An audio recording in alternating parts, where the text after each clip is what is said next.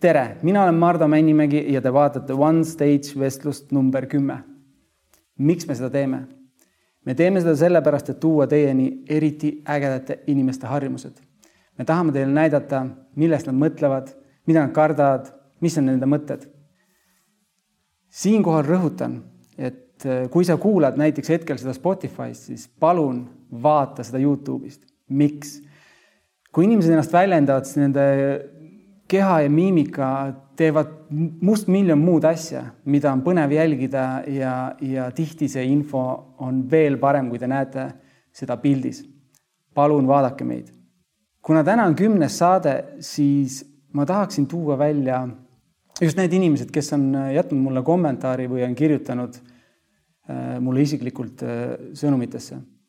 Neid on olnud sadu ja seda on eriti mõnus lugeda, et keegi vaatab ja kellelgi läheb korda. aitäh selle tagasiside eest. ma täna ei too veel isikuliselt välja, aga hakkame, me hakkame seda tulevikus kindlasti tegema.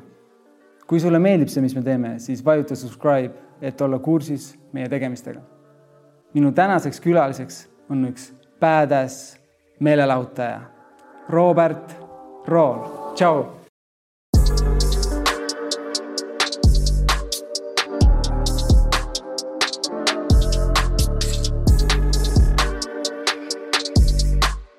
tere, rõõm näha. no tervist. mul on äh, au. au on minupoolne. tõesti, ma väga harva, kui ma olen selle nii-öelda laua teises pooles, ma tõesti olen väga vähe mingeid intervjuusid andnud või podcast'is käinud ja see on väga huvitav tunne mis on huvitav selle juures justkui, äh, kui sa ju tegelikult, see on argi, see on sinu argi, see siin on sinu argipäev see siin ei ole minu argipäev. ja sa saad ütlemata hästi hakkama. oi, ma tänan. ma olen kuulanud ja ma mõtlen, et, et, et kas sa, kas sa nagu mõnikord kõhkled või, või vaatad ennast pildist või vaatad, kas kõht on sees. mina vähemalt teen seda kogu aeg. E, aga see tuleb väga hästi välja sul. ma tänan, ma ainult kõhklengi.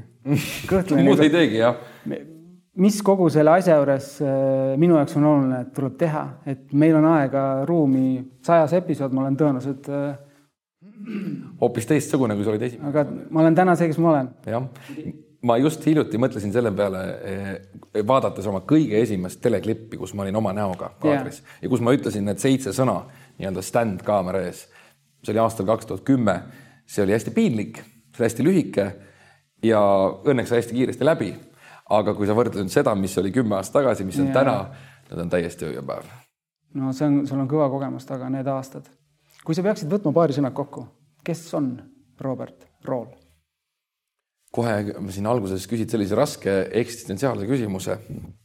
ma olen, ma arvan, kombinatsioon eh, oma perekonnast, oma taustast eh,, ütleme kõvast rühkijast eh,, kohati ülepingutavast eh,, samas teekonda nautivast inimesest kes on teel kuhugi, mis pole veel täpselt selge, aga teada on suund, kuhu liikuma peab.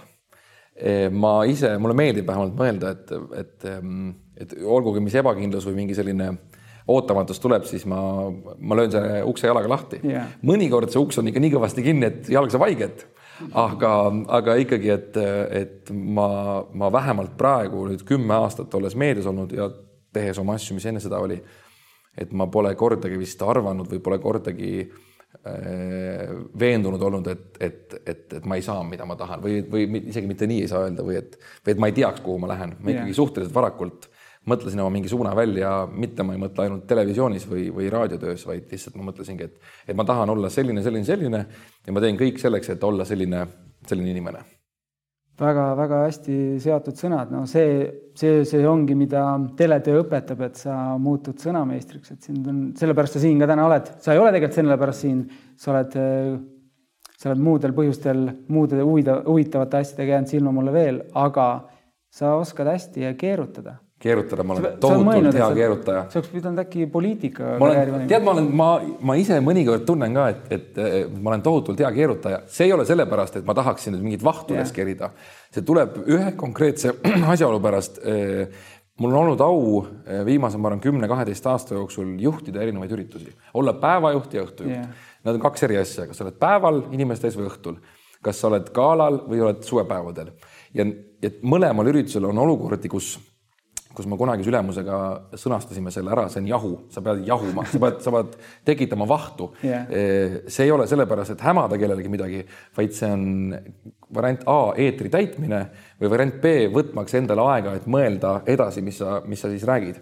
et me alles sel nädalal alustasin äh, esimest korda läksin häälekoolitusele, kuna ma tunnen mm., et ma olen hakanud hästi palju puterdama Jah. kuna see eeter on nii intensiivne, mis me praegu teeme iga päev oled eetris, siis hääl väsib ja, ja suu väsib ja ja, ja seal ütles see koolitaja äh, väga hästi, et, et, et sa oled nii palju jahunud, et sa oledki natuke oma mõtted jahunud ka ära Jah. ja, ja sellest tulenevalt eh, tekib see eetri täisrääkimise vajadus või, või natukene vingerdamise vajadus. ja võib-olla on väga hea poliitiku alge siin sees ma arvan, poliitiku jaoks sa oled ära rikutud juba mm., et, et sa oled nende sõnaseadmis, nad on ikka seal esimeses klassis alles. ja seda küll, seda küll, aga, aga ma ütlen, et see kõik, kõik, mis ma olen nüüd teinud kümne-viieteist aasta jooksul, see kõik on mõjutanud seda nii-öelda teekonda ja, ja kus sa praeguseks jõudnud oled, nii et, et ja ma ei häbene mitte midagi, ma olen ikkagi nagu vastu pükse ka saanud mingite asjadega või olen natuke mõned valed valikud ka teinud, aga ma olen ikkagi vähemalt ma arvan kõigist midagi kaasa võtnud. ma kujutan ette, et kas sul on mingi kill ka, palju sa oled õhtuid juhtinud või? kas sa tead umbes? ma enam-vähem nagu suurusjärku tean, et, et mind on kutsutud tohutult palju pulmaisaks, aga see, see ei ole nagu minu thing. ma nagu pulma, ma olen pulmaisana olnud pulmades, ma arvan, kümme korda mm -hmm. sellepärast, et ja ainult nagu headele, väga headele sõpradele, kes, kes tõesti paluvad, et ma tuleksin. aga selliseid üritusi, päeva ja õhtu juhtimisi, ma arvan, et selline kolmsada umbes on see suurusjärk. no korralik. jah, ja siis võtan need saated, telesaated juurde, et meie praegust õhtusaadet on eetris olnud umbes selline kolmsada viiskümmend. iga saatejuht meist kolmest on juhtinud kahte kolmandikku neist ehk siis kakssada ja peale yeah., pluss siis eelnevad saated, mida on umbes ka selline viissada. ehk siis seda nii-öelda põhja on palju.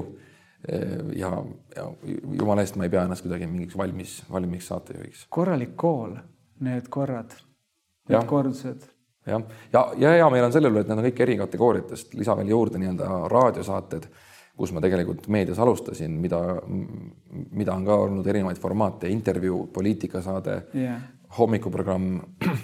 seal tekib mingisugune arusaamine eh, sellest, kuidas ühes või teises rollis pead nagu käituma või mis yeah. sõnu pead kasutama. sa oled meelelahutaja, mis lahutab sinu meelt?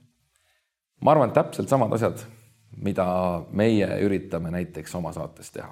vaatad Selline..., vaatad oma saate ära, lähed õhtul koju, vaatad duublit. ja kusjuures mu kaassaatejuhid naeravad mulle, ma, ma arvan, et ma olen näinud üheksakümmend viis protsenti meie nii-öelda õhtu ja hommikusaadetest yeah. olen vaadanud läbi. mitte sellepärast, et ma nüüd tohutu fänn oleks, vaid ma pigem vaatan selle pilguga, et eh, kas mulle endale meeldiks vaadata kas see asi oli nagu tore või see oli natuke nagu lahja või, või piinlik, sest me oma saate puhul, me ei võta snitti ühestki Eesti telesaatest, me mm -hmm. väldime seda nagu tuld, pigem me võtame mingisuguseid elemente Ameerika või Vene talk show dest. ja, ja, ja siis, siis sa vaatadki selle pilguga, et kas mingi asi oli nagu vahva või mitte. ja, ja, ja, ja samad asjad lahutavad meelt toredad, head äh, sketšid äh,, mingid satiiriklipid, mingid head teatritükid yeah,, äh, yeah samamoodi need kõik need äh, kahtlase väärtusega multifilmid, äh, mis jooksevad ühest või teisest kanalist, et ma olen väga-väga lihtsa maitsega, mul ei ole ühtegi mingisugust keerulist maitset. ma just ma tegelikult võib-olla läheks sügavamale sinna, mõtlengi, et ähm, et kusagilt pead sa selle nii-öelda mm, inspiratsiooni leidma, kui ma mõtlen seda, et sul on nädalas saade saate otsa, sul peab olema midagi anda, sest nagu ma ütlen, meelelahutus, see tähendab et sajad tuhanded inimesed, ma ei tea, palju vaatavad seda. no jah, ikka see, see mass on, see mass on ikkagi suur, ütleme, olenevad päeva reitingust vahemikus viiskümmend kuni sada tuhat vabalt, jah. just, et see meelelahutus ei ole nii, et astud uksest sisse ja naerad ja räägid kaks nalja, see hakkab muidu korduma. jah, see on, see on tõsine mure mitte ainult Eestis, et, et me, me üritame nagu olla originaalsed, aga, aga kõik originaal on kuskilt ikkagi mingi inspiratsiooni saanud. Ehm, jah, see, see nalja tegemine, ma ei pea ennast väga naljakaks inimeseks, aga, aga kuidagi nagu kombinatsioonina teiste saatejuhtidega või mingite oludega eh, satud mingisse olukorda, mingisse rolli kõik on tegelikult üks suur roll, see on yeah. üks suur roll. olgu, et selles rollis on hästi palju mind aga seal on ikkagi mingi, mingi etendus kogu aeg siis, äh, siis sa saad äh, killukest siit, killukest sealt ja kui sa paned kokku, siis tekib justkui nagu originaalne taies. et, et inspiratsiooni me võtame ikka, mina isiklikult võtan nagu igalt poolt, kaasa arvatud oma kaassaatejuhtidest. ja, ja see on nii äge, teie omavaheline see suhtlus on uskumatut, et inimesed nii hästi sobivad kokku, see on alati nii naljakas ja kui ma, ma väga vähe vaatan telekat, aga ma olen vaadanud kordust äh, erinevatelt muudelt kanalitelt, Youtube'ist ja nii, siis äh, ma ei, ma olengi mõelnud, et et kuidas nagu ületada järgmist saadet jälle ja tuleb ja tuleb see omavaheline, see, kuidas te üksteist tögate seal.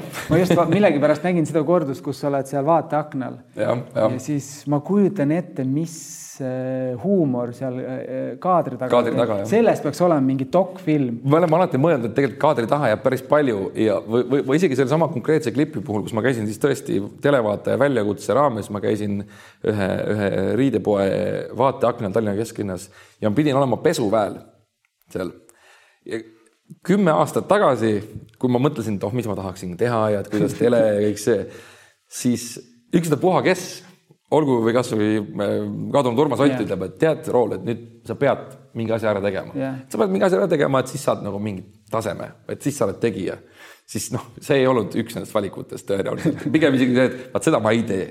aga kuidagi see on kujunenud niimoodi, et mitte mitte meie ei tee nagu vaatajale saadet, vaid me, me proovime võimalikult palju nii, et vaataja teeks ise meie saadet. Yeah.. ja neid kaasahaaramise või kaasarääkimise variante ei ole väga palju, sa võid panna postituse Facebooki, lased kommenteerida, sealt tuleb mingi, mingi, mingi väike valim inimestest, kes vaatavad saadet. Yeah.. sa paned sellesama klipi hiljem Youtube'i, vaatad sealt reaktsioone, siis sa vaatad, mis vanusegrupid sind vaatavad. me esialgu arvasime, et me hakkame tegema ikka sellist keskmise sihtgrupiga, niisugune kakskümmend kuni nelikümmend viis inimene aga praktikas on see välja kukkunud niimoodi, et Youtube'ist vaatavad meie klippe viie kuni kaheksa aastased lapsed. Ja, ja siis noh, võib ka teisi olla, aga seal on hästi palju neid. Facebookis vaatavad eh, meie Facebooki fännid, kes on sihtgrupiga selline kolmkümmend viis kuni viiskümmend pereemad. Ja, ja siis kuskilt need omakorda hargnevad veel, mis tähendab omakorda seda, et igalt poolt sealt saab mingi tagasiside ja siis sa kuidagi vormid selle saadet vastavalt. et, et see, see, see vaateakna episood ja seal ma sain tõesti puid alla kolleegidelt väga kõvasti, et, et see on ikka päris niisugune. see oli äge sketš ja ma arvan, asi on puhtalt selles, et kuidas äh, sul endal see mootor sööst, sees töötab, et kas sa, kuidas seda ära kasutad, et see võiks olla megalabane klipp. või see oli äh, see, see, kuidas te seda tegite, ma kujutan ette, et kogu see meeskond, kes seda saadet toodab et te olete üks, üks perekond, sellepärast et operaator mm, -hmm. kõik, kuidas see on vormistatud, see on maitsekalt hästi tehtud, see võiks olla megalabane, aga see näeb nii hea välja, ma olen kuulnud väga paljude inimeste tagasisidet, et need inimesed töötavad hästi koos. meil on olnud piinlikke hetki ka selles mõttes, ega, ega sa ei taba märki kõigega ja oleks ka veider, kui tabaksid yeah siis ma üritaks juba ennast kuidagi rikkaks ja Ameerikasse kuulsaks teha naljaga pooleks. aga et me oleme pannud ka kõvasti mööda, aga jällegi, kui sa paned jupid kokku, et meil on tõesti, meil on paar operaatorit, kes me nimetame ihuoperaatoriteks neid yeah., et nad käivad meie võttepäevadel kaasas, nad juba teavad, et kui juhtub olukord A, siis ta keerab kaamera Jüri poole, Jüri Butšakovi poole siis yeah., sest ta teab, et ta alati kommenteerib kuidagi natuke, kas siis, kas tõesti sarkastiliselt või, või vastupidi, väga armsalt ja kui on mingi selline nunnuhetk, siis ta pöörab teise operaatori poole või selle teise saatejuhi poole ja neid hetki on hästi palju erinevaid ja siis kuidagi see vormubki, hiljem on monteerijal seda nagu lihtne kokku panna. monteerija saab loost aru, tema ise nagu hakkab seda toimetama ja jutustama, siis on meil toimetajad, meil on yeah. režissöörid et see kogu see kupatus kokku ja, ja, ja tõesti Eestis sellist teist toimetust ei ole mitte nagu, et kõik oleks nii vahva ja tore, vaid lihtsalt nii palju erinevaid inimesi, kes suudavad kuidagi nii hästi ühte jalga käia et mitte üldse kiites meie saadet ja, ja kuidagi ennast, vaid lihtsalt see, et see selles keskkonnas on väga meeldiv töötada. Teie sketšid, teie koostöövõime, ma arvan, kõigil kanalitel on siit nii palju õppida, kaasa arvatud ka Kanal kaks muudes formaatides. Ku, kuidas need kolm inimest kokku saada, see on muidugi täielik bingo, et see see oli mingi, mingi hell juhus oli see jah, sest et see oli kaks tuhat kaheksateist aasta suvi. ma tean Jürit varasemast, me olime kolleegid, ta tegi Kanal kahe saates äh, Radar kaastajad me olime koolivennad, õppisime samal erialal ülikoolis ja Piretit ma tean selline kümme aastat, me töötasime ühes raadiogrupis ja juhtisime mõnda aega koos raadio hommikuprogrammi yeah.. eks siis nagu mingisugune, mingisugused inimesed teekonnal on kuidagi käinud varem läbi ja siis plaks paneme nad kokku, teadmata, mis saab. ja kuidagi jõudsime siia aastasse kaks tuhat kakskümmend. ja kuidagi need aastad, see eriline ilus aasta on olnud ka. mille puhul, mida ma tahaks veel äh, küsida siia juurde, on ähm, lähtuvalt sellest, mis sa rääkisid, et kas sa tunned, et see on sinu koht või see on eelmäng millele palju-palju suuremale? nii ja naa e,. E, hästi sõnastatud küsimus, sest ma olen täpselt samas, enam-vähem samas e, formaadis seda enda käest ka küsinud e,. me ei, vähemalt mina tunnen küll, et see ei ole nagu mingisugune teekonna mingi lõpp või see on pigem on selline vahepala. aga, aga mis see nii-öelda lõplik eesmärk võiks olla? mul on omad eeskujud. Mul on omad mingisugused sellised vastumeelsed kujud või mingid, mingid rollid või tegelaskujud, kelle, kellega mingit sarnasust või mingit sellist nagu kontakti ma ei tahaks. aga, aga suures plaanis ma ikkagi eeldan, et kui niikaua, kuni televaataja aktsepteerib mind kaamera ees või ekraanil yeah., siis niikaua ma tahaksin seda äh, tööd või seda formaati edasi teha, mitte just nagu õhtusaate, vaid just see selline meelelahutuslik pool.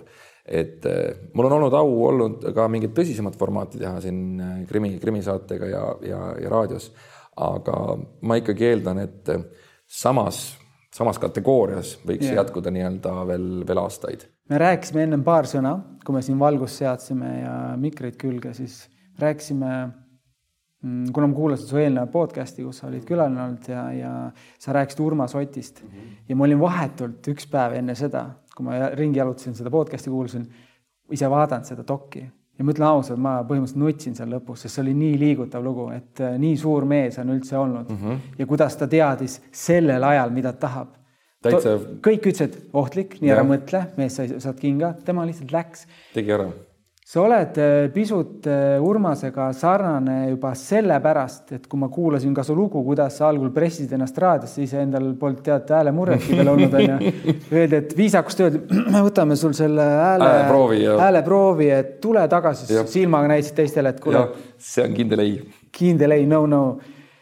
ja, ja ma kuulasin seda ja siis ma vaatasin Oti ja siis mõtlesin, et vaata, ega vanus on täpselt seal, et peab hakkama mõtlema see on ohtlik võrdlus, mis sa tood. ma ei ole ennast mitte kunagi mitte üheski nüansis Urmas Otiga sarnaseks pidanud. ma mäletan, ma istusin kaks aastat tagasi, aasta algul istusin eh, soojal maal rannas, lugesin Urmas Oti raamatut ja, ja tema eluloo raamatut ja see sai läbi ja mul pole ühegi raamatuga olnud nii tühi tunne pärast selle raamatu lõppu kui siis ja, ja selles raamatus olid mingid nüansid, mida ma olen tundnud ka, mingid emotsioonid, mis see raamat andis edasi, mida ma olen tundnud enda karjääri puhul ka. aga, aga see oli nii sihuke pinnavirvendus, et see ei olnud isegi nagu sarnane, mida, mida tema, see on nii hoomamatu, kõik see Venemaa ja kõik see, kõik see carte blanche ja kõik see, kõik see vaatamine, kuidas ta omas ajas oli lihtsalt nii, nii ropult suur ja täiesti hoomamatu me teeme loomulikult eh, kordi ja kordi väiksemat asja, aga, aga, aga samas ei maksa alahinnata noh, igaühe tegutsemist, et, et.... ta, ta oli julge ja ma olen kolmteist aastat inimestega töötanud, kas siis äh, kunstnikuna neid nii-öelda portreteerides mm -hmm. ja alati on see, see, see mõttevahetus, ma, ma olen nagu käsn, ma õpin inimeste käest ja seal on üks asi, see on julgus, et kui sa siia ruumi astusid, sa võid siia ruumi astuda nii, et sa teed mingit telesaadet, teeme ära mm. -hmm. Eesti maailm on täis inimesi, kes teevad asju mm -hmm. ära, aga sul on, ma tunnen kohe, et sa tahaks natuke paremini. ma ütlesin, meil läheb siin pisut rohkem aega või sa tulid natuke varem, sa lahendad selle käigu pealt. vot Urmas lahendas asju, käib, tal, tal oli kind-, ta ei teadnud, mida ta tahab teha yeah.. kui seda filmi vaatad, sa ei saa aru, mida yeah., kuhu ta läheb, ei tea. tal on mingi kindel visioon, ta hääl ja kõik see on nii konkreetne. ja nii, aga nii käibki avastamine, et ma tunnen sellesama julguse ära, et äh, sa ei karda ennast lolliks teha ja sa, ja, ja sa oled äh,, sul on põnev ja sa oled noh, sul on endal põnev ma olen nõus, ma, ma ise nagu ma tohutult ammutan inimestelt ükstapuha mida, välja arvatud negatiivsust, et ma olen seda ka mitu korda rääkinud ja, ja ma ei, ma ei karda seda korrata, et, et mu, mu kõrval on olnud inimesi, kelle puhul et kui sa ei, enne kui sa ei tõesta vastupidist, on ta sinu jaoks natuke nagu jobu, et mitte öelda yeah. siis seda karmimat sõna yeah.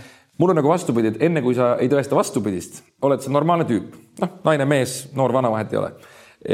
ja, ja sellega seoses Eh, mul ei ole üldse mingit plokki suhelda inimesega, kes võib-olla ma näen, et oi pagan, ta on ikka nii erudeeritud, nii tark, intelligentne, täiesti teisest maailmast minu jaoks. aga miks ma peaks teda kartma yeah. ja miks ma peaks teda kuidagi halvemaks mõtlema või, või vastupidi, kui ma, minu juurde tuleb inimene ööklubis, teades, et ta on kolmepromillises joobes ja ta ja ta ja ta ütleb, et kurat, teeme pildi noh. mul ei ole mitte ühtegi halba emotsiooni või mõtetki tekkinud, et et ära tule või et, et noh, lase mul olla. sest kui inimene näeb mind ja tal tekib mingi positiivne emotsioon yeah. või kuidagi või noh, üldse tal tekib mingi mõte positiivne, siis see teeb mind nagu topelt rõõmsaks. olgugi, et kas see on, ma ei tea, lennukis, autos, restoranis, ööklubis äh, ja, ja see kõik on kuidagi nii hoomamatult äge. et äh, ja seda selle põhjusel ka ma nagu, ma alati suhtlen, loodan vähemalt, proovin suhelda võrdne võrdsega sa oled haruldane eksemplar juba sellepärast, et kui me sünnime, siis meil nagu see elu, ikka kood on kirjas, DNA-s on kirjas, et kõik on jobud senikaua, kuni nad tõestavad vastupidist. on nii tõesti, jah? ja vot sa arvad, et see on, et, et see on nii, nagu sina arvad. kas on kogu aeg nii olnud või sa, see on su viimane? see on mul, ma, ma ei tea, kas ma peaksin emale-isale tervitusi saatma, aga see Helistame on, jah, see on, see on tegelikult, mul on olnud vastupidi, sest ma mäletan ikka, et kui me mängisime ma ei tea, kehalise tunnis mängime yeah. korvpalli, et ma mängisin aastaid korvpalli ja ma oskan seda ju mängida, et ma võiksin seal kekatunnis ju lammutada nii, et seda nägu. Yeah.. ma ikka mõtlen, et mina juba oskan, no et ma annan siis sellele nõrgemale, las ta siis proovib, et noh, et keegi talle muidu ei annaks seda palli. Või et, või et kõik lähevad siis selle suure hurraaga kaasa mingi tüübiga, kes on niisugune särav kuju ja mõnus niisugune yeah. pleika onju. Ma jään siis maha, kõik lähevad niikuinii pleikariga, ma võtan siis need inimesed endaga punti, kes, kes võib-olla pelgavad natuke mingit situatsiooni rohkem, et, et validki oma meeskonda või, või, või proovid olla võistkonnas nendega, kes võib-olla ei ole mingis olukorras nii kindlad või, või, või nendega minuga, ma ei tea, koos töötamine või koos tegemine võiks neid kuidagi kaasa yeah, aidata. yeah.. see on fantastiline. Ja üldse nagu alahindamata, et või halvustamata, et oh, kuule, sa oled mingis asjas nõrgem, et tule kaasa. samamoodi ma hindan seda, kui, kui mind eh, esimestel meediatöödel õpetasid inimesed, kellel polnud absoluutselt mingit kohustust, absoluutset vajadust, mul oli üks, üks kolleeg Rein raadios mina olin kakskümmend, tema oli kolmkümmend kolm äkki või mm -hmm., noh et kolmteist aastat, ehk siis ma olin kõige noorem, noorem kolleeg. tegelikult tal ei olnud mitte ühtegi kohustust, ta teeb oma töö ära, võiks ära minna.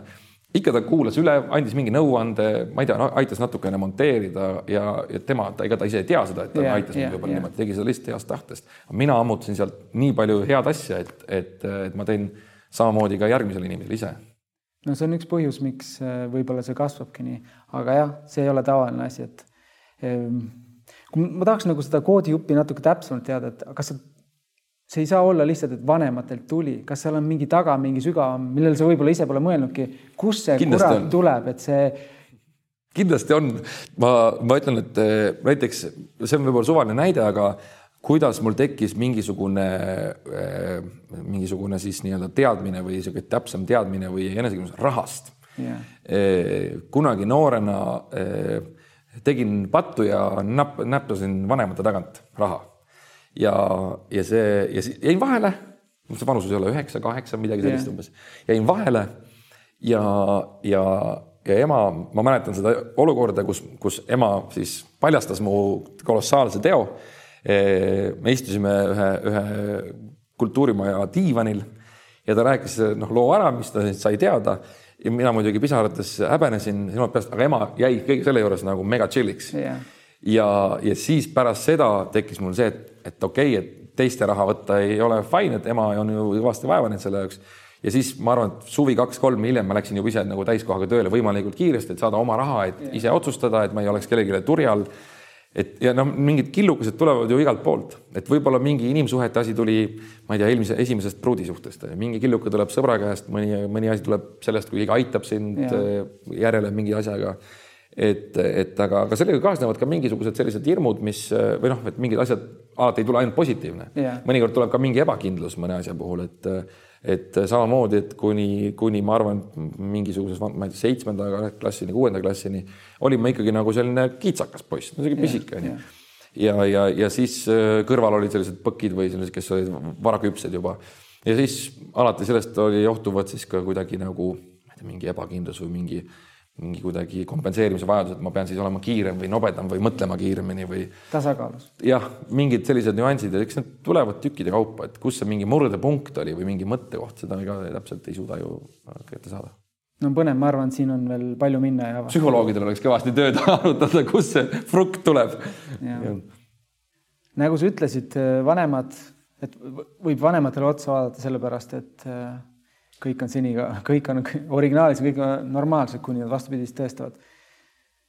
mis mulle meeldib äh, selle õppeprotsessis, kui sa oled nagu laps, on see, et äh, kui me läheme perest äh, nii-öelda, kolime kodust välja, siis kui alustame kooselu kellegagi, mul läheb tuksi, läheme nagu eraldi.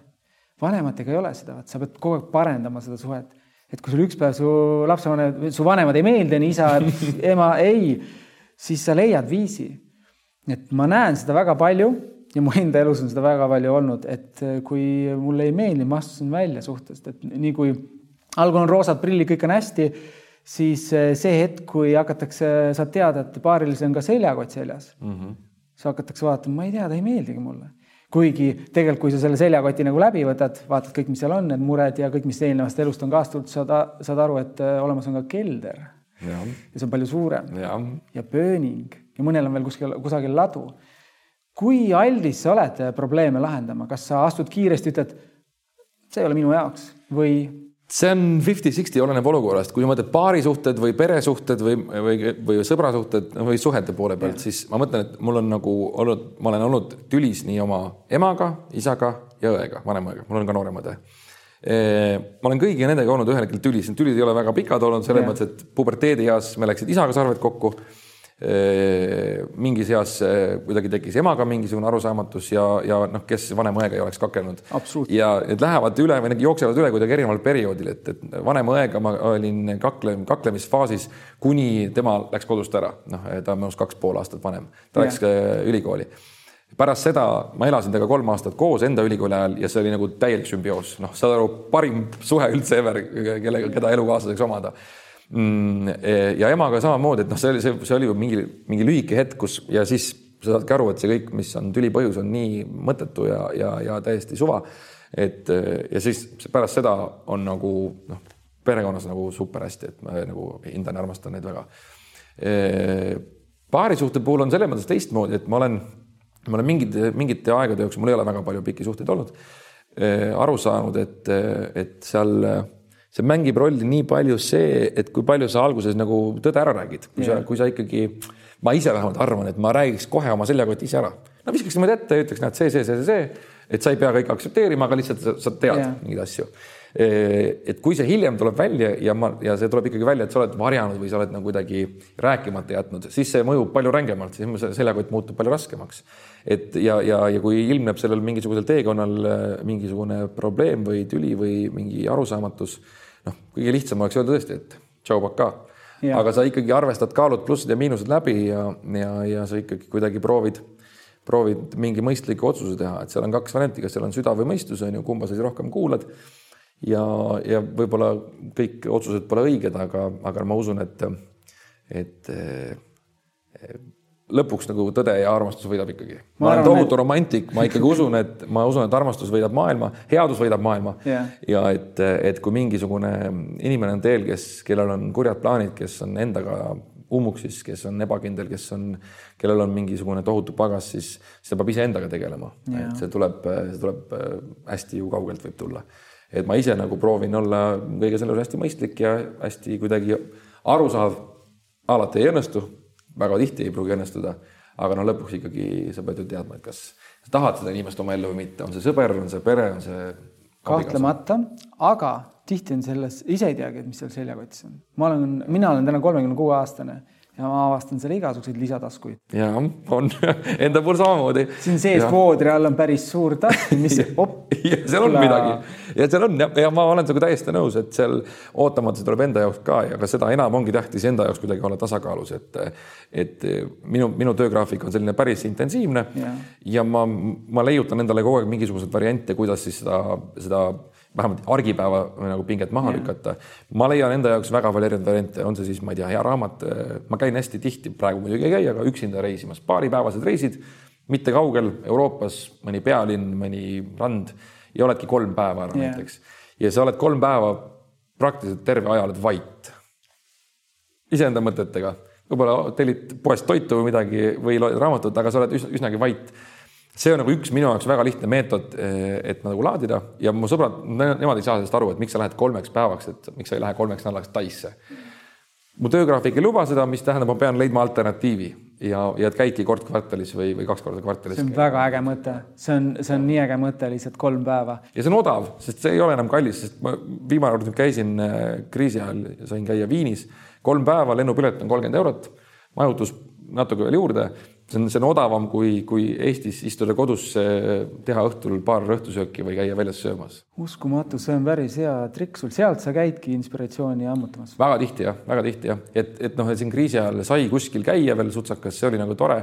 aga, aga need sihtkohad on, ma võtan selle järgi, noh, kuhu saab või et minu kõige esimene selline reis oli novembrikuu neljandal kuupäeval eh, Varssavisse Eh, läbi Oslo lendasin tohutult pikalt ja lihtsalt jõudsin Varssavisse, mida ma seal teen, neli päeva, pole õrna aimugi. Eh, vihma sajab, tuuline märg, aga kõik selle juures sa oled välisriigis, võõras kohas, mingid uued olukorrad, adapteeru, tee, et ja sealt see hakkas kuidagi käima ja kerima ja, ja nüüd noh, tõesti väga lahedaid kohti on leidnud. mulle meeldib see just täpselt, et need, ega need uued ähm, nii-öelda inspiratsioon ja motivatsioon, see ei ole selles igapäevarütmis, ta on kusagil siis, kui sa ei tee tööd ja ringutad kusagil võõras kohas. siinsamas praegu. võõral territoorium, kasvõi siin. siinsamas praegu, ma Tiksud praegu ma mõtlen juba praegu, sa oled pannud kerima mingid mõtted kuklas, mida ma pole mõelnud väga ammu yeah., sest sa oled küsinud võib-olla, võib-olla ma ei tea, kolm päeva tagasi välja mõeldud küsimuse. aga see peegeldad kuidagi vastu mingi idee, mis, mis, mis vastan sulle mingit moodi, aga mul hakkab endal palju rohkem kerima võib-olla kui sul. mul oli kolm mõtet, mis mind väga huvitas ja sa rääkisid need ära juba nii et ma pean puusalt tulistama. ei tulista tegelikult puusalt. ma olen aru saanud sellest, et äh, mida rohkem seda vestlust püüad äh, nii-öelda paika panna, seda, seda igavam see on, see peakski olema selline, et äh, ma kuulan sind ja mhm. püüan, püüan siin laveerida. see on telesaate ja podcast'i vahe, mulle vähemalt tundub, et meie proovime ikkagi teha sellist ettevalmistatud kava et telesaates on väga palju roll juhustel, hetkesituatsioonil, aga väga palju peab olema ette valmistatud juhul, kui üks osapool veab alt yeah., ma mõt-, ma ei mõtle siin külaliste saatejuhti, see võib olla mingi emotsioon, mingisugune päevaolukord e, ja, ja me jätame ruumi alati üllatusteks, aga me mõtleme väga palju läbi võimalikud juhtumid, et kuidas läheb või mis saab e, väga harva, noh, me ei, me ei, me ei anna inimesele ju küsimusi ette kõiki, et kuidas nüüd tuleb mulle saatesse yeah., ma küsin su käest, mis sa tegid sel õhtul kell kuus. Aga, aga me anname mingi suuna ikkagi kätte, mingi fookuse paned paika, kuhu sa võiksid jõuda. ja, ja see, see ongi nagu öelda vahe sellise täiesti igapäevavestluse ja selle. iga, igal juhul see show peab olema toimetatud, sest muidu seda ei ole lõpuks põnev jälgida, aga näiteks kui sa täna siia tulid isegi kui sa tulid, sa tulid kõvasti varem, astusid uksest sisse, siis mõtlesin, et ma ei räägi sinuga. Juba sellepärast, et see sa hakkasid midagi juba põnevalt, oota, sest äh, me ei, sa ei tea mitte midagi, sa ei tea ühtegi küsimust ja ma räägin tegelikult mega lihtsatel asjadel. ma haaran härjal sarvist. Äh, me põgusalt puudutasime, minu meelest hirm on tohutult äge asi. meie eelmise külalise, kes siin käis, äh, Kaidi Laur, rääkis hirmust, et noh, mis ratsionaalne hirm, mitteratsionaalne hirm, kõigil on need vilkurid erineva koha peal et ala, et kui ma sõidan autoga, siis ma vaatan telefoni, tunnen kohe, midagi valesti on. see hoiab mind elus. aga tihti me kardame mingeid lapsepõlves tekkinud asju, mis ei luba meil edasi minna. me rääkisime põgusalt nendel teemadel. kust maalt hakkavad eh, sinul need vilkurid tööle, kui ma toon näite, ma lähen korra sinna poe vitriini juurde tagasi, et mingi, seal ongi see maitse asi, et kas sa lähed edasi või sa lähed tagasi. jätame selle poe asja välja, eh, kus sa olid seal pesu ajal, aga võtame selle kus sa, kas, mida sa kardad, sest mida sa kardad, seal taga on tohutud saavutused, äh, avastused, kõik ähm, mm,, seal sa skoorid täiega, seal piiri peal. mis on, sa võib-olla ei ole mõelnud, tõenäoliselt sa oled mõelnud, sest inimesed on kogu aeg. ei, sa ikka mõtled ja ma kusjuures ma, ma millegipärast seda mingit hirmu mõtet ma käis, mitte täna, aga eile-üle käis läbi, et äh, äkki tuleb mingis vestluses tuleb jutuks ja, ja selles mõttes jättes kõrvale hirmud perekonna pärast, mis iganes võib juhtuda, mis on nagu automaatne ja, ja kõige hullem, mis võiks, võiks juhtuda. tööalaselt hirm võib-olla mm, kõrvalejäetuse või fear of missing out, eks ole, nii et et et teles keegi sind, no keegi ei oota sind keegi ei, keegi ei, keegi ei tule sulle pakkuma, kuule, et ma mäletan, et sa olid kümme aastat tagasi päris äge vend, et, et tule tee meile midagi. Yeah.. see, et sa pead olema ise kogu aeg võitlema selle koha pärast ja kedagi ei oodata ja võetakse vastu see, kes teeb, kes teeb nagu ägedama asja ja see on ka põhjus, mis võib-olla on natuke takistanud mul mingisugust sellist puhkust võtta, mis, mis võib-olla oleks nagu sihuke täis, täislaadimine, et oledki näiteks pool aastat ära mm. -hmm. samas selle hirmu, selle hirmu võttis natuke ära mult Mart Normet, kes läks lihtsalt perega pooleks aastaks Tenerifele yeah., kirjutas sellest väga ägeda raamatu ja, ja ta läks lihtsalt oligi ära, tuli tagasi ja põrutas täie rahaga edasi. Et, et see hirm ka nagu tegelikult ei ole pädev, et ole lihtsalt mees ja tee ja, ja, ja naudi ja, ja küll sind nagu hinnatakse. et no need on võib-olla igas suunas, võib-olla väga argipäevane hirm. täiesti lihtne, praktiline, miks ma ostsin endale natuke nagu keskmisest turvalisema auto. sellepärast, et ma mõtlesingi, et ma sõidan, kui ma sõidan maanteel no mina ei jää tukkuma, mina ei passi seal telefonis, aga keegi teine teeb seda yeah.. noh, käib kokkupõrge ja siis ellu jääb see, kes sõidab selle, selle margiga, millega mina sõidan võib-olla yeah.. et, et noh, sellised igapäevahirmud on ikka. aga ma ei ole eriline pabi, ma olen küll pabistaja, aga ma suunan selle suhteliselt hästi, suunan selle ära. praktiline näide on õhtu juhtimine või, või, või päeva juhtimine siin yeah. sel aastal, kuna üritusi väga palju polnud, siis mul esimene üritus oligi tegelikult suvel üks selline muusikafestival kus oli, ma arvan, tuhatkond inimest oli konkreetselt lava ees. Ja kuna seda pole ammu teinud, viimased üritused on olnud siin talvel mingid firmaüritused, kus on viis-kuuskümmend inimest, kus on lihtne intiimne keskkond, kus sa saad kohe mingisuguse klapi, näed, kes on äh, ettevõtte narr, kes on ettevõtte CEO ja nii edasi, onju et seal on sul siis nagu tavainimene, kes võib olla A-setini kategooriast. Ja siis tunned ikkagi natuke, mul ei hakka mitte käsi värisema ja mul ei hakka hääl värisema, aga seest hakkab sihuke, tead ikka selline niisugune närviline tunne siis ma, ma olen selle õppinud suunama nende mitmesaja üritusega kuidagi väga õigesse kohta. et ma enne lavale minekut korraks käib külmavärin üle yeah., hingad sisse-välja ja sa, ja sa suunad selle närvilisuse oma tegevustesse, oma nii-öelda kohalolekusse, et, et ma mäletan, üks üritus oli kolm tuhat inimest oli lava ees. kedagi ei huvitanud, mis ma seal lava ees teen, nad tegid oma asja, mingi festival selline yeah kedagi ei huvitanud ja, ja tohutult käsi kuidagi võbeleb, tunned, et, nagu asi ei ole õige. siis oligi see, ma mäletan, see, see murdekoht, et aga mida ma siis pabistan, et kui siin oleks viiskümmend inimest, ma peaks täpselt sama hea olema, et see ei pea kuidagi halb olema. käib surini üle, lööd närvilisuse maha ja lähed enesekindlalt peale. et see, see on aidanud ja see mingite niisuguste väiksemate närvilisuste puhul aitab ka väga hästi. nii ta on, et kui sa aktsepteerid seda hirmu ega seda ärevust siis ta on nagu raketiküte, ta ja, aitab sind. aga nii kui sa eitad, siis ta tõmbab su oskustest kohe miinus viiskümmend. täpselt, sa ikkagi suunad selle ikkagi endale nagu power'iks ja see, see aitab kaasa jah, mitte et nüüd see power nüüd tohutult mind heaks teeks, jällegi ma olen väga halb enese kuidagi kiitja, aga lihtsalt, et, et, et vähemalt närvilisus ei saa võitu, et muud asjad võivad ikka jääda. no seda kütet on vaja korralikult, et mulle meeldib see mõttekäik sul ja täpselt, ma ise olen, mina ei ole õhtujuht, aga ma olen väga palju kuue-seitsme aasta jooksul käinud koolides rääkimas ja ka mõnda ettevõtet harinud ja mulle meeldib see, siiamaani eelmine, üle-eelmine nädal käisin ühes koolis rääkimas, et ettevõtlustundide raames. ja tead, need lapsed, see, kui nad sind vaatavad selliste ümmarguste silmadega, küsivad selliseid küsimusi, neil filtrit ei ole. tohutult hariv, keegi küsib, miks sa teed, tahad endast parem versioon, mine räägi, mine räägi enda elust, õpi seda paremini vormistama. Ma kuulen neid küsimusi, kas poes või tänaval, kui mõni laps ilma filtrita, nähes mind, küsib emme käest või ütleb emmele, et see on see. emme muidugi natuke piinlik, emme vaatab, ütleb noh, jah, on jah, see inimene. ta ei võta nagu häält ka maha. jah, jah, et kuule, et see on see ja, ja siis ma ja ma alati kuulan huviga, noh, see poes satub veel kokku, mis, mida, kuidas see laps käitub, mida ta küsib, mida ta, mida ta ütleb, mida ta mäletab ja, ja, ja, ja siis äh, saad sellist väga ausat tagasisidet, mitte küll väga pikka ja väga põhjalikku, aga lihtsalt laps mäletab näiteks eh, Burger Kingis käimist, noh, kus, kus me käisime oma kaameraga. mu enda õelapsed, õelapsed, kes on kuuesed, mäletasid väga hästi detailselt, kuidas mu kolleeg tegi mulle seal burgerit, kui mitu pihvi ta pani sinna burgeri vahele. Ja, ja küsimus oli siiras, kas sa said selle burgeri tasuta? noh, et saad aru, et noh, tegelikult loo fookus oli hoopis teine, nende küsimus oli aus ja, ja, ja sealt tuleb sellist äh, täitsa filtreerimata tagasisidet, mis on väga tore ja väga kaifin seda. lapsed on ausad mm,. ma liiguks siit edasi. millest on küllus, millest on sinu elus küllus?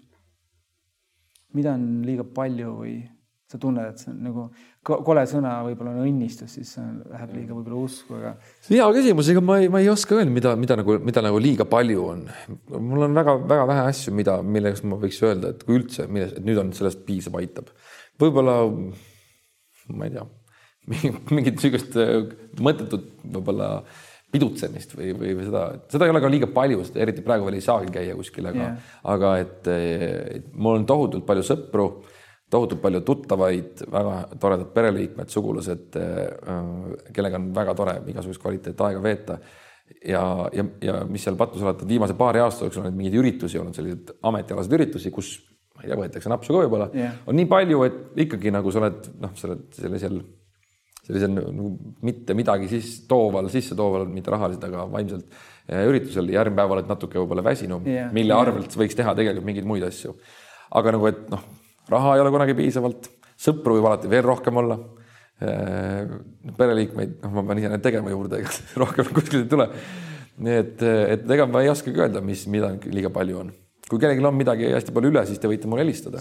Ja võite saata mulle, ma vaatan üle, kas mul on, kui ei ole, võtan endale. rahaga on üks huvitav asi, et äh, mul on üks väga edukas sõber ja ta ütleb alati selle peale, et, et raha on kõigil täpselt nii palju, kui ta suudab nagu hallata. vastu võtta ja et, hallata. et rohkem ei saa olla, et ja. mingi ühel mehel mured, minu noh, ma toon mingi suvalise näite, et minu, minu kümme protsenti võib kellelgi olla nelisada protsenti, ta elab sellega pool aastat.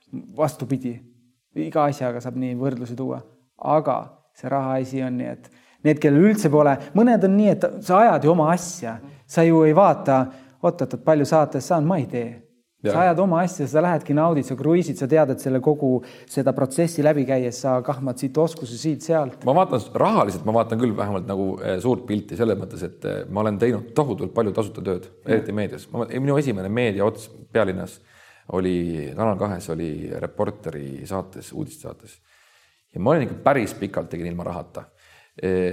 ja see ei olnud niimoodi, keegi ütleb mulle, et sa tuled tööle, ma ei maksa sulle nüüd, ma ei tea, neli kuud. see kuidagi kujunes niimoodi välja, et oskuslikult laveeriti sellest palga maksmisest ja kuidagi nagu ja, ja ei makstudki ja tegelikult oleks olnud õige öelda, kuulge mehed, teete miks te mulle palka ei maksa, ma teen tööd teie jaoks. Tol hetkel, tolles äh, hetkes oli see kuidagi nii loogiline ja ma võtsin seda kui väga kõva õppetundi ja ja võtsid kodust lõuna kaasa ja läksid, tegid oma asja ära jälle ja, ja tegidki nii-öelda mitu kuud ilma rahata Jah. aga see, ma ei tundnud ennast kuidagi halvasti, et oi-oi, ma peaks nüüd saama kümneid tuhandeid kroone sel ajal. et äh, ja mingeid teisi asju ka, et ma võt-, mul tohutult, ma olen palju olen käinud keskkooli, ülikooli ajal jõuluvanaks lasteaedades, lastekodudes ja mingisugusel firmapidudel. Ma ei kujuta ette, kas palju jõuluvana taks võiks olla, palju jõuluvanale makstakse? no ma ei, ma ei ole kunagi raha saanud sellest, üks pere pani mulle šokolaadi vahele kakskümmend eurot, ma mäletan, aga. kui on hea jõuluvana, kes ei ole napisõnaline, tuleb uksest sisse ja on purjus ja. jah, mulle pakutakse Lapse nimed lähevad sassi. lastekodudes, lasteaedades õnneks seda ei tehtud, aga perekondades käies eh, Paide linna vahel, siis igas, igas külas oli, oli vaja ikkagi eh, pits võtta, nii et juhtus olukord, kus mu kallis ema võttis mind auto peale, viis mu ühe pere juurde jõuluvanaks ja võttis mu pärast peale, sest et ma ise sõita ei saanud. aga see ilma rahata kõike, sest ma, ma ei, mingite asjade puhul on plokk ees, miks ma peaksin selle eest raha küsima. isegi kui see võtab nüüd tohutult palju aega, isegi kui ma selle ajaga jõuaks mingit muud asja teha, mis on, mis on rahaline. küll jah, mingid ajalised piirangud tulevad peale, praegu on seda tööd on palju, aga käia mõnes koolis mõne tantsuvõistluse žüriis või Jah, või, või jah. või rääkimas äh, õpilastele sellest tööst. see oleks minu jaoks patt sellest raha võtta. Respekt, mulle meeldib su ähm, mentaliteet, et äh, mitte, et palju ma selle eest saan, vaid kelleks see mind muudab. Jah. see iga asi ju nihutub kogu aeg edasi, su silmaring laieneb ja kui sa annad, siis küll ta ka tuleb tagasi. ma võtan hea meelega vastu jätkuvalt, et, et võtan, aga ma valin jah, et ma ei taha inimestelt raha niisama ära võtta. no hea kuulda, küllust on sul kõikjal, aga mis, millest on nagu puudu, millest on puudu, et sa tunned, et raha jätame, see raha on nii teisejärguline, see on kui mida rohkem teenid, siis lähevad lihtsalt mänguasjad kallimaks, et puudu on alati. ma jälle, et samamoodi nagu selle küllusega, et, et võib-olla seal on mingisugune, mingisugune asi, mingi, mingi puhkusega või vaba ajaga või mingi lõõgastumisega või mingi selline, sellega seotud asjaolu. et see, et ma ei ole väsinud, ma ei ole ka Jah. praegu väsinud. ma lähen koju, ma ei, ma ei tunne, et ma pean nüüd magama kolm tundi. aga, aga mingit sellist võib-olla mingit loomepuhkust või vaata, kuidas, kuidas lauljatel on, ma ei tea, pärast jõuluperioodi on jaanuarikuu on vaba näiteks, noh, et keikasid ei ole ja Jah. ja puhkavad, teevad muusikat, teevad laagreid, asju. me saame ka mingitel perioodidel väga hästi puhata, kaasa arvatud suvel, aga, aga kuidagi mingid sellised, mingid sellised puhkused, mis võib-olla seda äh, inspiratsiooni teeks rohkem, needsamad reisid, mida, kus me Jah. praegu käia ei saa. no seda mõttes, see on me- mega hea harjumus. jah, et see on, see on midagi, mis on puudu, see annab kohe tunda ja, ja seda, seda kurvem on vaadata, et mul on järgmiseks nädalaks on lennupilet Küprosele ja kahjuks jah, ei, tea, ja, mis. et noh, et sinna, sinna saaks minna Saab. täie teoorias, aga sinna see neli päeva seal olemine, see oleks nii hustle, et noh, tuled tagasi, et see ma, ma teeksin kolleegidele natuke karuteene ja ma lihtsalt, ma loobun sellest eh, nii-öelda enda, enda puhkusest eh, nende huvides. et, eh, et, et noh, mingid sellised asjad on võib-olla, mis on puudu, aga, aga midagi suuresti. no igal juhul, et enda jaoks aja võtmine ja kui ise juhet, juhet seinast välja ei tõmba, siis kui meie tahame näha nädala, aasta ja kolme aasta pärast nagu elujõulist Robert Rooli, siis mm -hmm. ta peab tõmbama juhtme seinast välja. ja, ja aga see õnneks on organism on Vahepeal. nii tark, et ta teeb ikka aeg-ajalt sulle meeldetuletuse.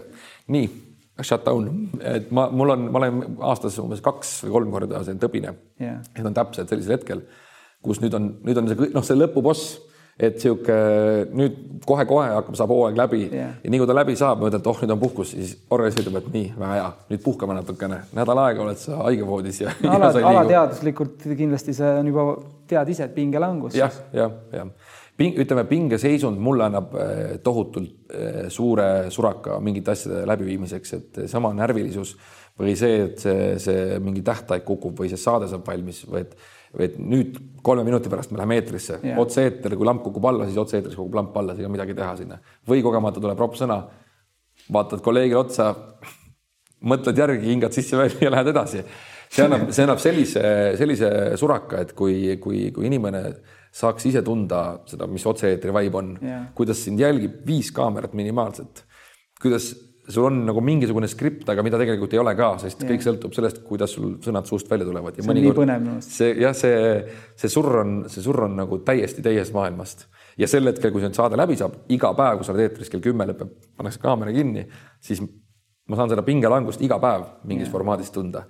see on hästi veider, kuidas see adrekas lööb üles kaheksa viiskümmend kaheksa, kui saade algab või minut, minut siis varem või hiljem. ja kui kell kümme null viis võtad meigi maha, ma ei tea, istud autosse, lähed kodu poole, kuidas see asjaolu, et sa olid päeval olid tohutult väsinud ja magamata, järgmised noh, tund aega pärast saadet oled sa nagu noh, tõeline jänku. mis privileeg see on viibida selles tsoonis igapäevaselt, see on, see on au, see on selline oh, need oskused arenevad hoopis teistmoodi, see on kiirendi, see on, see on mingi koht, kus paned oma, testid oma ideed ja oma eksistentsi üldse, kes sa oled seal ja. kõigi ees. see, aga see on ka, see on ka samamoodi see, see pinge ja see privileeg ja au, see näitab ka, kui palju on vaja tegelikult hoogu maha võtta, et sa oledki kogu aeg selle sees. aga, aga see au on tõesti see kuidagi televaataja ees, kui veel vaadatakse ka ja kommenteeritakse ja kiidetakse. laita võib ka, mitte, ma loen alati kommentaare, mulle meeldib, seal on sihuke aus läbilõige tihtipeale, kuigi kommentaariumis väga palju erinevaid inimesi ei liigu, on nagu mingid omad tüüpvennad aga et, et seal saab päris palju toredat, niisugust ausat, siirast, natuke teistsugust vaadet. et see au seal televaataja ees olla, et nad vaatavad ka ja mõtlevad kaasa ja, ja, ja, ja, ja isegi veel tulevad homme ka, siis see kuidagi, see on mingisugune teisest maailmast nagu rõõm või, või, või kuidagi tunnustatakse, et noh, ei ole mingit väga tohutut tunnustamist igapäevaselt Eestis. kui mingi tunnustus veel ka antakse, no see on, lööb pahviks. mõnus, mõnus mõttevahetus ja ma mõtlen äh mul on üks selline mõte, millest ma tahaks veel rääkida, see nii-öelda see küsimus on väga lihtne, et mis teeb ühest äh, saatest hea saate, aga ma täpsustan. mulle väga meeldis, kuidas äh, mm, Kristjan Järvi ütles, et äh, nagu history, sõna history on his story, et me kõik loome mingit lugu, et sinu lugu siiamaani, mis sa oled teinud, läksid raadiosse, proovisid, peksid jalaga seda ust uh, -huh. ei avanenud, onju, hiljem kutsuti tagasi uh, -huh. paar aastat hiljem mis on äh, sinu lugu ja teine asi, noh, tulles sinna tagasi, mis teeb selle sinu loo heaks, et, et ükstapuha, mida sa kogesid ja mis sa tegid, oleneb see, kuidas sa räägid sellest, sinu story äh,, story telling mm -hmm. oskus muudab ühe asja üldse põnevaks ja ägedaks. sa võid ju oma lugu maalida kümnel erineval viisil, sa võid rääkida seda kurval, rõõmsal. mis teeb sellest teie saates, mis teeb sinu elus sellise sinu jaoks ähm, väärt sest ma näen, et sa oled elevil, sul on äge mm, -hmm. sa oled näljane, sa tahad teada, et sa, mm -hmm. sa oled siin meie väga lihtsas podcast'is täiega naudid mm. -hmm. noh, ma isegi, ma vahepeal unustan ära, kus ma olen, mul sind on nii põnev kuulata.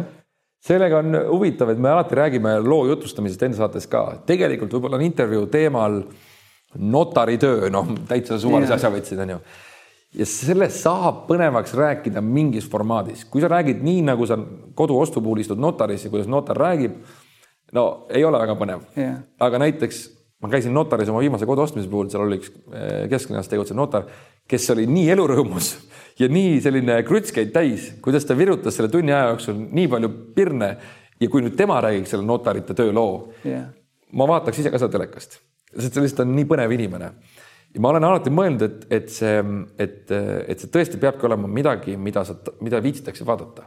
See võib olla draama, ma võin rääkida oma elust kuidagi draama läbi, mul on paar sellist episoodi olnud elus, mis, mis mind ennast on siiralt kurvaks teinud, mis, mis, mis, mis on jätnud kindlasti ka mingisuguse jälje. ma räägin, võin rääkida nagu sellise noh, niisugune täielikult läbikukkumise, lõbusa läbikukkumise formaadis yeah., kuidas ma istusin kuueaastasena poetrepi peal ja lasingi ennast täis ja mäletan seda nagu oleks eilne päev yeah.. võin rääkida selles formaadis ja võin rääkida dokumentaali vormis. ma räägingi sinu kõrval siin kõik need eh, kakskümmend üheksa aastat lahti, vähemalt mida ma mäletan. aga lõppkokkuvõttes on see, et see peab olema vaadatav või jälgitav või või kuidagi noh, mis ma, mis ma oskan öelda, et, et vahet pole, mis see lugu on, sa pead suutma selle teha nagu söödavaks. ja ma mõtlengi, et hea saade võiks olla samas formaadis. ma mäletan väga hästi kuidas ma istusin muusikakoolis, ma ei tea, kaheteistaastasena ootasin oma tundi ja Kristjan Jõekalda saade jooksis, kolmkümmend kolm küsimust jooksis äh, Kanal kahes. Ma mäletasin, vaatasin seda, et see oli täiesti loll formaat, kolm inimest istusid, nad ei liikunud grammigi, lihtsalt vaatasid ekraane. Yeah.. aga sel hetkel ma vaatasin, et Jõekalda on kõige ägedam vend üldse, noh, ta on siiamaani mõtlen seda, et ta on kõige lahedam, sest vahet pole, mida ta teeb. ta kõige selle juures pritsib igasse formaati ennast. Yeah et see, et, et ta on teinud seda, seda lotosaadet umbes kuussada aastat, mulle tundub, vähemalt kuussada aastat. Ja ikka ma vaatan talle otsa ja ta tõstab selle kulmu niimoodi ülesse. Kui keegi annab vastuse, mis on juba neli korda kõlanud. ütleb, rahvas ütleb ja mõtleb, äkki ikka tuleb sealt midagi, onju. et, et et ta, see, see mingi asi on tal sees ja ma ükstapuha, mis formaati ta paneks. kui ta oleks, homne päev oleks, ma ei tea, hingesoojuse saatejuht ja ongi selline formaat. ta müüb selle maha. ja, ja, ja ma vaatan sellepärast, et ma tahan, ma tahan, et need peredel läks hästi, nad saaksid oma head elutingimused. ma tahan näha Kristjan Jõegalt selles olukorras. et ta ongi nagu kuidagi minu jaoks müstiline mees ja ma ei jõua teda ära kiita, ma ei tea, võib-olla läheb imalaks juba. Et, et tähtis on siis see, et, et mis see lugu on ja, ja kuidas seda jutustad ja kes seal siin peategelased on. kui mõni inimene vaatab, ma ei tea, seda podcast'i, ütleb, et kurat, ma arvasin roolist natuke paremini. siis see on jällegi noh, tekitasid mingi emotsiooni ja, ja kõigile ei saagi meeldida, seda ma olen juba endale nagu kahjuks äh, kinnitanud juba mõnda aega. aga et, et, et, et kui sa jääd seda lugu vaatama, on see National Geographicust, on see ETV-st, on see kuskilt mujalt, siis minu jaoks on juba hea. mina arvan, et ühe hea saate teeb ka see, et sa lähed sinna saat-, sinna saate vaatamisse juba sisse, nii et sa ei püüa võrrelda oma elu kellegi teisega mm, -hmm. sa püüad, püstitad mingi eesmärgi ja lähed, võtad sealt ühe tüki. et meie selle kogu selle One Stage'i projekti idee ongi, et pane pusle kokku väikestest tükkidest mm. -hmm. kui sulle ei meeldi, aktsepteerigi, mõtle, mis tunne sa tunned, mulle ei meeldi see inimene üldse. lase endasse läbi, mõtle, naudi seda.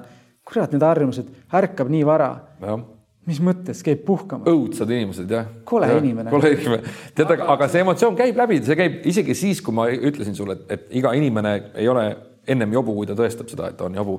Ka siis ma ju näen inimesi nii-öelda kuidagi mingitest fragmentidest, kes minu ees on või kellest ma kuulen midagi, et et igal kuulujutul ei ole tõepõhja all minu jaoks vähemalt, aga, aga kui sa oled juba ise midagi kogenud selle inimesega seotud, siis sa ikka paned mingi killukese kokku. Yeah.. lõpuks noh, kui neid kille tuleb nii palju, et ma teen selle otsuse selle inimese kohta, siis, siis, siis see arvamus muutub, aga ennem ma kuulan ainult fragmente ja, ja kui ma kuulen näiteks sinu kohta homme ähm, keegi ütleb, et ei, ei, ei teinud häid head pilte, noh maksis jube palju, ei teinud väga pilte, jah, et teine mees tegi kolmsada euri odavamalt ja noh, tulid head pildid välja, siis see ei pane mind äh, sinust arvama, et sa oled äh, kehv fotograaf. see kõike võis juhtuda, võib-olla mul oli õhtul ühine halb päev lihtsalt, tohutult halb päev, võib-olla ma ei tea, keegi suri ära. ja, ja siis, siis sa võtadki selle kuidagi endale paned selle kuskil kuklasse selle inimese kohta mingisse sahtlisse, aga sa ei tee nagu lõplikku otsust. Kui ma lähen sinu nüüd Instagrami lehele, vaatan su pilte ja vaatan, no ikka üldse ei meeldi mulle pildid, noh, siis ma võib-olla teen mingi otsuse, et okei okay,, et sind ma oma pulma ei kutsu sorry, pole midagi teha, onju. aga, aga et, et ma mingi ühe kuskil kauge arvamuse või, või mingi mõttevahetuse käigus ma ei nagu vähemalt proovin mitte kujundada mingit lõplikku arvamust. head mõtted.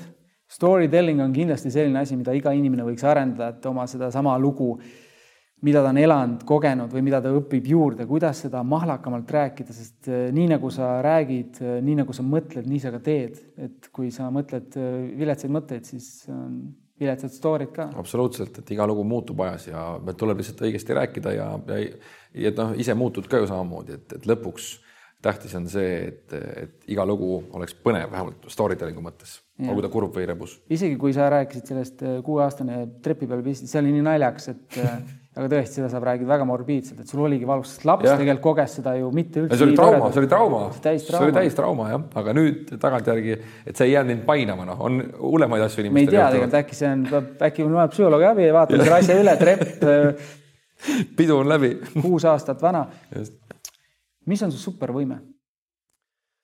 supervõime, ma arvan, et see võiks, kui ma peaks midagi valima nende tohutute oskuste seast, see oli muidugi nali, eks ole, onju. Võib-olla see ongi mingi adapteerumise oskus, et noh, et ma lähen, ma lähen ühte olukorda, ühte rolli, teise rolli, kolmandasse rolli, neid rolle on, ma arvan, mul kümme, viisteist, kakskümmend tükki erinevates olukordades, erinevad olemised. Et, et ma tõesti enam, ma ei löö verest välja ükstapuha millises situatsioonis, vähemalt mul on tundunud nii.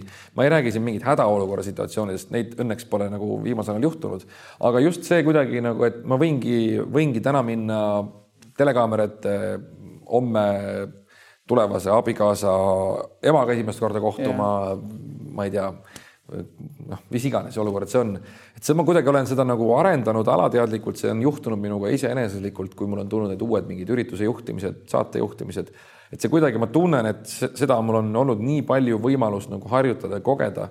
Ja sellega kaasneb oskus nii-öelda siis mingit, mingit teatud pingeid või närvilisust alla suruda yeah.. et see kuidagi mulle endale enda juures väga meeldib. ma arvan, see oot-, väga hea näide, otse-eeter karastab.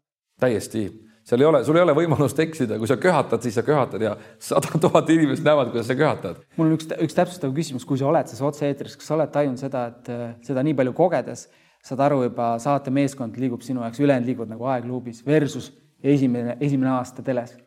Jaa, väga hea, väga huvitav tähelepanek. praegu ma lähen stuudiosse, kus juba operaatorid ootavad, meil on seal viis operaatorit igapäevaselt ja mõni inimene veel siis nende liikumine, tavapärane, ma tean, et see mees jõuab varsti sinna, loen viieni, põpp-põpp-põpp ja ta ongi seal yeah., onju. ja aga samas see situatsioon, mis eh, nüüd seal set, setil on, kus ma unustan ju kaamerad ära, ma ei vaata yeah, neid yeah, kaameraid yeah., siis see on selline täisfookuse koht, kus mõnikord läheb mõte uitama, me ei salga seda, et mõnikord läheb uitama ja proovid kuidagi sellest tagasi tulla ja, ja proovid edukas olla. aga see kuidagi jah, see, see supp, kogu supp on muutunud selliseks jah. Ma, ma arvan, et kui sa alustasid oma karjääri, siis sa nägid siiamaani, nüüd ongi kogu ruum. Vaatasid, mõtlesid higist, mõtlesid mina, mina, mina, nüüd on tagasi, meie selle, saade, see on meie saade. just selle esimese, esimese standi peale, mis ma kunagi kaks tuhat kümme tegin, kus ma lihtsalt, ma lihtsalt noh, värisesin füüsiliselt nii kõvasti, et see nagu oli minu jaoks midagi hirmsat. nüüd teha sama asja, see on nagu mööda minnes, isegi ei mõtle selle peale mis noh, ei tähenda, et sa ei peaks kaasa mõtlema ja kohal olema. targemad mehed nimetavad seda elukogemuseks jah aitäh, et meelde tuletasid yeah.. mis on sinu soovitus meie vaatajatele, kuulajatele, ma rõhutan vaatajatele, vaadake meid mm, -hmm. aga mis on soovitus? no seda võivad ka kuulajad teha. mulle ikka jätkuvalt, ma rõhutan üle, et headus võidab maailma, ma arvan. ma, ma, ma tahaks ise olla inimeste vastu hea ja ma loodan, minu vastu ollakse hea. Ja minu meelest on nagu kõige huvitavam asi, mida mina olen tohutult hakanud tegema, ma olen kallistama hakanud, noh, selles mõttes, et sa ei pea kallistama ainult oma pruuti või, või yeah., või ema.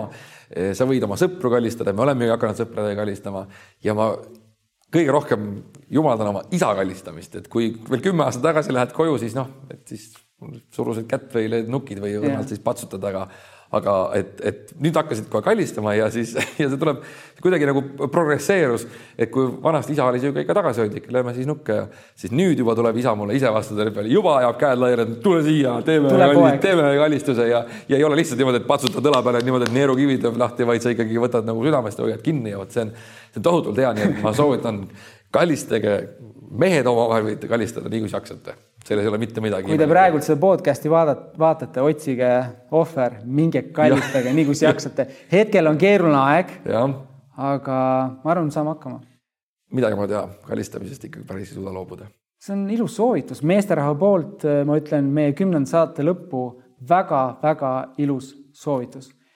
ma tänan sind, Robert ma, ma hindan väga inimeste aega ja see, et kuidas sa siin olid, äh, millest sa rääkisid ma tunnen, ma olen väga liigutatud. Te teete head asja, järelikult muuseas ise tunne ütles, et teete head asja, et ma võin siin olla ja rääkida. ja aitäh sulle. kas me nüüd kallistame? me, me nüüd kallistame, ma arvan jah